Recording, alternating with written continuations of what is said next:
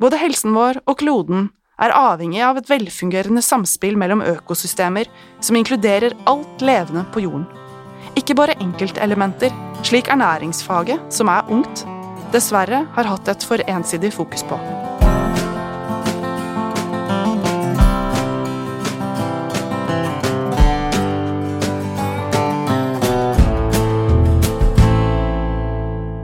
Denne kronikken er skrevet og lest inn av Kjersti Skar Storvik. Den sto først på trykk i Ren mat, nummer 46. Matens mørke materie. Jeg trenger bare å lukke øynene for å være tilbake ved barndommens middagsbord. Foreldrene mine hadde jobber som gjorde at vi kunne spise sammen hver dag. Det var ikke nødvendigvis så avanserte ting, men bra mat laget fra bunnen av stort sett hele uka. Rødbetkaker med hjemmelaget potetmos, seiggryte med rotgrønnsaker, squashgrateng, og vi delte måltidet sammen, lenge nok til å fortelle litt fra dagen, prate om nyhetene og blande tiden ut i te. I helgene tente vi lys, brukte fine servietter og byttet fra steingods til porselen. Vi spiste hjemmelaget pizza eller taco, foreldrene mine tok kanskje et glass vin, og jeg fikk et glass saft eller en liten glasscola. Husker du da 025 var standard i butikken? Jeg var nok ekstra heldig fordi mamma hadde sitt kunstneratelier hjemme, og med en pappa som jobbet i staten og sjelden var sen, kunne matlaging og spising ta den tiden det tok. Fleksibiliteten i jobbene deres og kjærligheten til god mat er jeg evig takknemlig for. Det bidro til at jeg utvikla matglede, respekt for råvarer og et ønske om å videreføre fellesskapet vi hadde rundt bordet da jeg selv stiftet familie. Jeg visste at noen av vennene mine ikke var like heldige da vi vokste opp på 1980- og 90-tallet. Noen hadde foreldre som arbeidet på kveldstid, andre måtte sjonglere to jobber.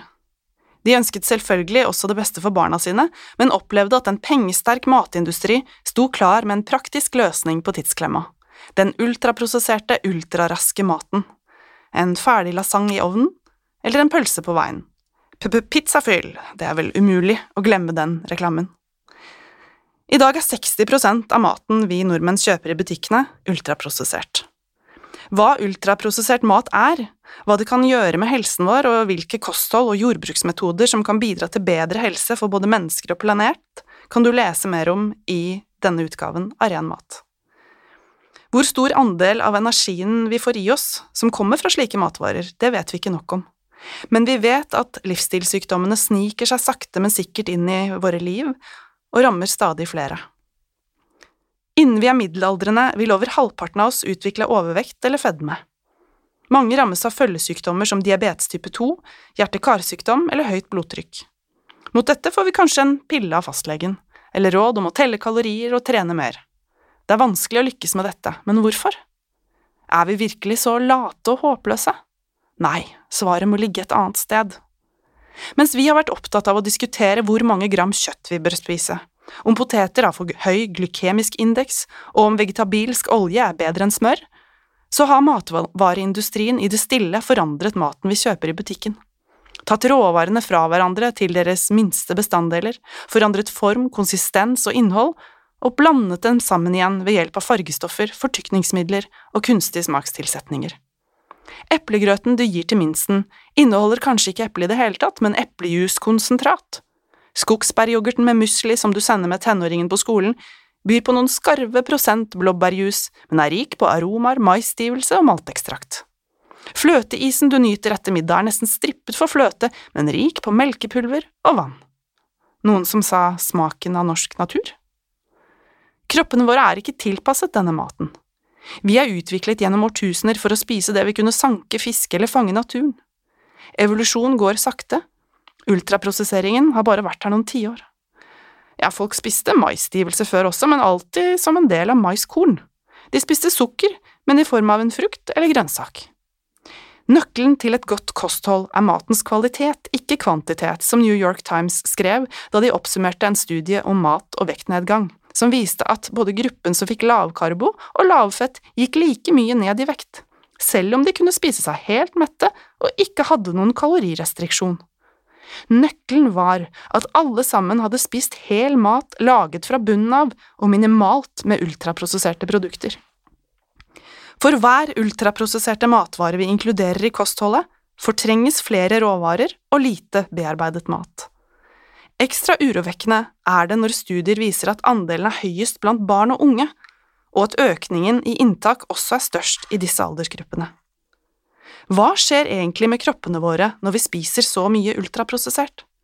Det vet vi ikke nok om ennå, men vi vet at de som spiser mye, har høyere forekomst av blant annet fedme, kreft, hjerte- og karsykdom, høyt blodtrykk og diabetes type 2. Mange forskere mener vi må ha mer kunnskap om ultraprosessert mat før vi kan gi kostråd som tar hensyn til prosesseringsgrad.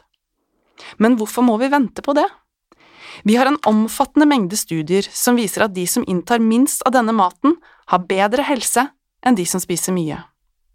Og som Marit Kolby skriver i sin bok Hva og når skal vi spise? Løsningen er dermed ikke å omformulere oppskrifter og endre prosesser for deretter å argumentere for at industriproduktene har blitt sunnere. Det har vi forsøkt før, uten at folkehelsen har blitt noe bedre av den grunn. Tenk ferdigpizza med nøkkelhullsmerke. Og både når det gjelder miljøgifter og uheldige ingredienser eller prosesser i mat, viser historien oss at industrien fortsetter å benytte dem til de er forbudt, noe som ofte skjer tiår etter at skadelige effekter først ble avdekket. Vi må zoome ut, og vi bør iallfall kunne være enige om at mat er mer enn næringsstoffer, som klinisk ernæringsfysiolog Inge Linseth skrev i Ren mat i 2022. Møtet mellom maten og kroppen er et resultat av evolusjon, og handler om følelse av sammenheng mellom det vi spiser og resten av naturen. Om spisehastighet, spisemiljø, tilsetningsstoffer, struktur, kultur og om den oppfattes som en kilde til god helse og glede, eller som et kalori- og næringsstoffproblem. Både helsen vår og kloden er avhengig av et velfungerende samspill mellom økosystemer som inkluderer alt levende på jorden, ikke bare enkeltelementer, slik ernæringsfaget, som er ungt, dessverre har hatt et for ensidig fokus på. Skal vi gjøre noe med overfloden av ultraprosessert mat i kostholdet vårt, må vi også endre måten vi produserer mat og forholder oss til jorda på. Industrilandbruket utarmer planeten, skader insektlivet og er forbundet med produksjon av ultraprosesserte produkter som påvirker helsa hos mennesker. Et økologisk og agroøkologisk jordbruk bidrar med å gi næring til sunn jord, fordeler for dyrelivet og til en matproduksjon som støtter helsen vår. Vi kan sette Frankrike eller Italia. Der er det å spise større og mer tidkrevende måltider fortsatt normen. Folk setter seg ved bordet, gjerne som en flokk, og har en bevisst tilnærming til det de putter i seg. I Brasil har disse prinsippene kommet helt inn i de nasjonale kostrådene, som fraråder ultraprosessert mat og sier at det å spise regelmessig og på en bevisst måte i egnede omgivelser er sentralt i gode kostvaner. Innbyggerne oppfordres også til å spise i fellesskap når det er mulig. Vi må tørre å stå i ubehaget, sier Marit Kolby. Ubehaget når barna maser om is i butikken mellom skole og middag, eller når vi blir småsultne på bussen. For vi må ikke ha den pølsa, energibaren eller kjekspakka. Det å være sulten, kjenne på appetitten, og så kunne dele et godt måltid sammen, er et privilegium vi ikke må ta for gitt, mener hun. Kanskje trenger vi bare ett eneste kostråd Spis hel mat sammen. Jeg slår et slag for rødbetkaker.